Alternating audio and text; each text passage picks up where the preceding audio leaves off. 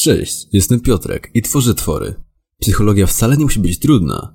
Mój podcast ma nam ułatwić poznanie siebie w wielu płaszczyznach, tak aby żyło się przyjemniej, efektywniej, a tym bardziej szczęśliwiej. Mam nadzieję, że zostaniesz tutaj na dłużej. Od razu na samym starcie opowiem Wam najbardziej irytujące wszystkie nagłówki tego tematu, tych ciekawostek, więc zacznijmy. Będziemy dzisiaj opowiadać o endorfinach, o tym, dlaczego ludzie niejedzący mięsa są agresywni, dlaczego człowiek uczy się awersywnie, co nauka mówi o istnieniu bólu oraz dlaczego mamy przyjemne przeżycia podczas śmierci klinicznej, która jednak nie jest przyjemna. Porozmawiamy też troszkę o pięknie i sztuce oraz dlaczego te stejki są bezsensowne. Kolejną sprawą będzie układ nagrody kontra nasz prezydent USA i jak działa ekstazy. Dodatkowo opowiem Wam też, na co działa marihuana i na tym zakończymy. Tak więc rozpoczynajmy. Wszystkie rzeczy, które Wam tutaj przedstawiam, możecie wyczytać w książce bez ograniczeń, jak rządzi nami mózg, więc zaczynamy. Endorfiny. Czy wiecie, że akupunktury uważano na zachodzie kiedyś za bzdurę? A to dlaczego, że nie działa ona na ludzi, którzy mieli zablokowane działanie morfiny? Dopiero wtedy nauka rozpoczęła przyglądanie się działaniu akupunktury. Z badań wynikało, że działa ona morfina podobnie, rozluźnia, odpręża oraz rozwesela. Tyle, że to nie były żadne przypływy energii, tak jak mówili to chińscy medycy. To tylko dlatego, że nasze nerwy są drażnione, a te nerwy były odpowiedzialne za uwolnianie endorfin. Kolejną naszą ciekawostką dzisiejszego podcastu będzie, dlaczego ludzie nie jedzący mięsa są agresywni. Tak więc podstawą naszego samopoczucia jest dobra flora bakteryjna w jelitach. To już chyba każdy wie. Mamy więcej bakterii w jelitach niż w komórek reszcie ciała. O tym pewnie już nie wiedzieliście. Ale to tak, te bakterie są sprzymierzeńcami dobrego trawnienia, no i oczywiście dobrej defekacji. Na przykład mają zdolność do syntezy tak zwanego tryptofanu. Są to niezwykle ważne aminokwasy powodujące wzrost serotoniny, a ono odpowiada za nasze samopoczucie. Idąc tym tokiem, jeżeli mamy deficyt serotoniny, to wzrasta nasza agresja oraz impulsywność. Tryptofan za to znajduje się przede wszystkim w białkach zwierzęcych. Stąd zwiększona agresja u ludzi niejedzących mięsa. Ha, a więc co mówi nauka o istnieniu bólu? Ból jest to przecież niemiłe odczucie zmysłowe i emocjonalne. Jest ono najczęściej związane z uszkodzeniem tkanek, uszkodzeniem rzeczywistym lub potencjalnym. Ale tutaj zaczyna się cała góra ciekawostek. Co ważne, jest to tylko w naszych głowach, jakkolwiek by to nie brzmiało. Ból tak naprawdę nie jest realny, jest kuale.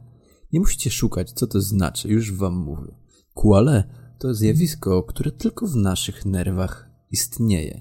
Czyli w sumie wszystko. Od dźwięku, od barw, aż poczucie. Tak naprawdę to nic nie istnieje. Nie ma kolorów, nie ma hałasu i zapachu. Wszystko przetłumaczy nam dopiero nasz mózg. Nie ma też ciepła zimna. Za to ból jest niezbędny do życia. Dalej, jakkolwiek by to nie brzmiało, to nauka mówi o naszym bólu. ha, a pewnie jesteście ciekawi, jak to jest, że mamy przyjemne przeżycia podczas śmierci klinicznej i nie tylko. Wiele osób mówi o tym, że umierając czuła się jakby rozchodziła się z własnego ciała, widziała światło w tunelu, widziała łąkę, na której są wszyscy jego bliscy. Temat jest niemiły, a wizje za to jakie przyjemne. Co na to nauka? W momencie śmierci organizm mobilizuje resztki sił i prawdopodobnie dlatego właśnie by zapewnić nam przyjemną śmierć. Neurobiologia tłumaczy to wszystko. W chwili odchodzenia wzrasta nam poziom serotoniny, endorfin i obniży nam się pH w mózgu. Przez to mamy halucynacje, wrażenia bilokacji bądź alokacji, wychodzimy z ciała i czujemy się przyniesieni. Wszystko jest to nazwowo nazwane NDE, czyli Near Death Experience. Są to zjawiska okołośmiertne. Nie trzeba umierać, żeby tego doświadczać. Podobno, podobne zjawiska przychodzą osoby chorujące na pewne odmiany padaczki. Nie życzę wam takich przeżyć, ale to na pewno musi być dosyć ciekawe.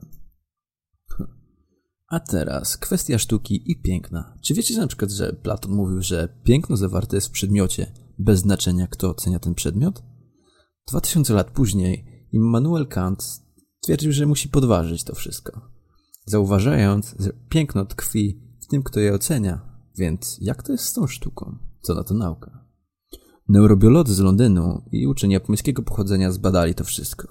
Okazuje się, że odbiór sztuki, za odbiór sztuki są odpowiedzialne nasze neurony, a mianowicie są to w złożonych sieciach naszej kory neurony oczywiście. Każde poczucie piękna jest niestety nieco inne.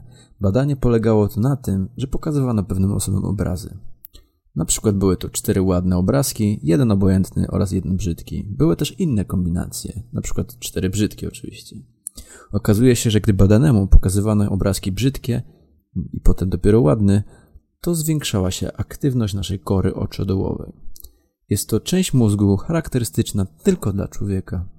Czy nauka nie jest odpowiedzią samą na siebie? Hm? Co wy na to? Idziemy dalej. Więc dlaczego testy IQ są tak bardzo bezsensowne? To dlatego, że testy IQ zostały najpierwotnie stworzone dla armii w USA. Więc wiadomo, mierzą one to, co powinno być odpowiednie dla żołnierza. Kto miał się interesować tym, czy rekrut lubi sztukę, czy zastanawiał się nad powstaniem świata, czy potrafi może pięknie malować? To nie było potrzebne w armii. Teraz ciekawostka o prezydencie USA, czyli jak działa nasz układ nagrody, chociaż układu nagrody było w tym najmniej. Kevin Coolidge był republikaninem 30 był on 30 prezydentem USA. Kiedy byli oni razem na fermie drobiu, jego żona usłyszała, że koguty kopulują od 20 do 30 razy na dobę. Słysząc to, poprosiła pracownika fermy, aby powtórzyła to prezydentowi. Prezydent chwilę zastanowił się, po czym zapytał pracownika fermy: A czy kogut zawsze robi to z tą samą kurą? Pracownik odpowiedział, że nie. Więc powiedział to do tego pracownika: Niech pan powtórzy to mojej żony. Kolejną ciekawostką będzie, jak działa ekstazy. Ekstazy została wymyślona po tym, jak zdelegalizowano amfetaminę. Zresztą zawsze tak było, delegalizacja budziła naukowców, aby stworzyli coś nowego. Poza tym powstała metamfetamina, szkodliwa bardziej niż amfetamina, bo po niej gniły zęby. Ale wracając do tematu. Ekstazy miało być krzyżówką pobudzającej amfetaminy i halucynogennej meskaliny. Ten narkotyk pobudza, ale daje nam też pogląd na inny świat. Zwiększą empatię i sprawia, że każdego kochamy. Ekstazy nie przypadkiem nazywa się też love drugiem. No nazwa mówi sama za siebie. Doprowadza też często klubowe parkiety do potrzasku gdyż ludzie najczęściej giną tam po tym narkotyku. Zaburza ona gospodarkę elektrolitową i mocno odnawia. Odwadnia, przepraszam bardzo. Podnosi nam temperatury, ale czujemy się super. Bawiąc się, odwadniamy się, no i padamy trupy. Ha. A teraz kolejna ciekawostka z serii narkotyków, czyli na co działa marihuana w naszym ciele. Działa ona na receptory kannabinoidowe. Nazywają się one od substancji, która na nie działa. Znaczy, nie są to receptory, które istnieją tylko po to, żeby za przeproszeniem je upalić. Działają tam naturalne neuroprzekaźniki zwane endokannabinoidami, na przykład anandamid, ale już nie wchodźmy tak głęboko w naukę.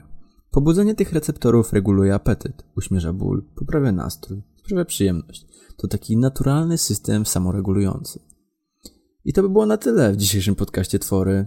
Ciekawostki. Tym samym zapraszam Was najpierw do zostawienia opinii na iTunesie, na SoundCloudzie oraz polubienia fanpage'a Twory, na którym dowiecie się o nowych odcinkach, ciekawostek pewnie wyrwanych prosto z mojego życia.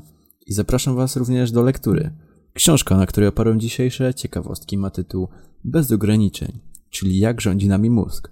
Twórcami są Jerzy Wytulani oraz Maria Mazurek. Tymi słowami zakończę dzisiejszy odcinek. Do usłyszenia. Bye bye.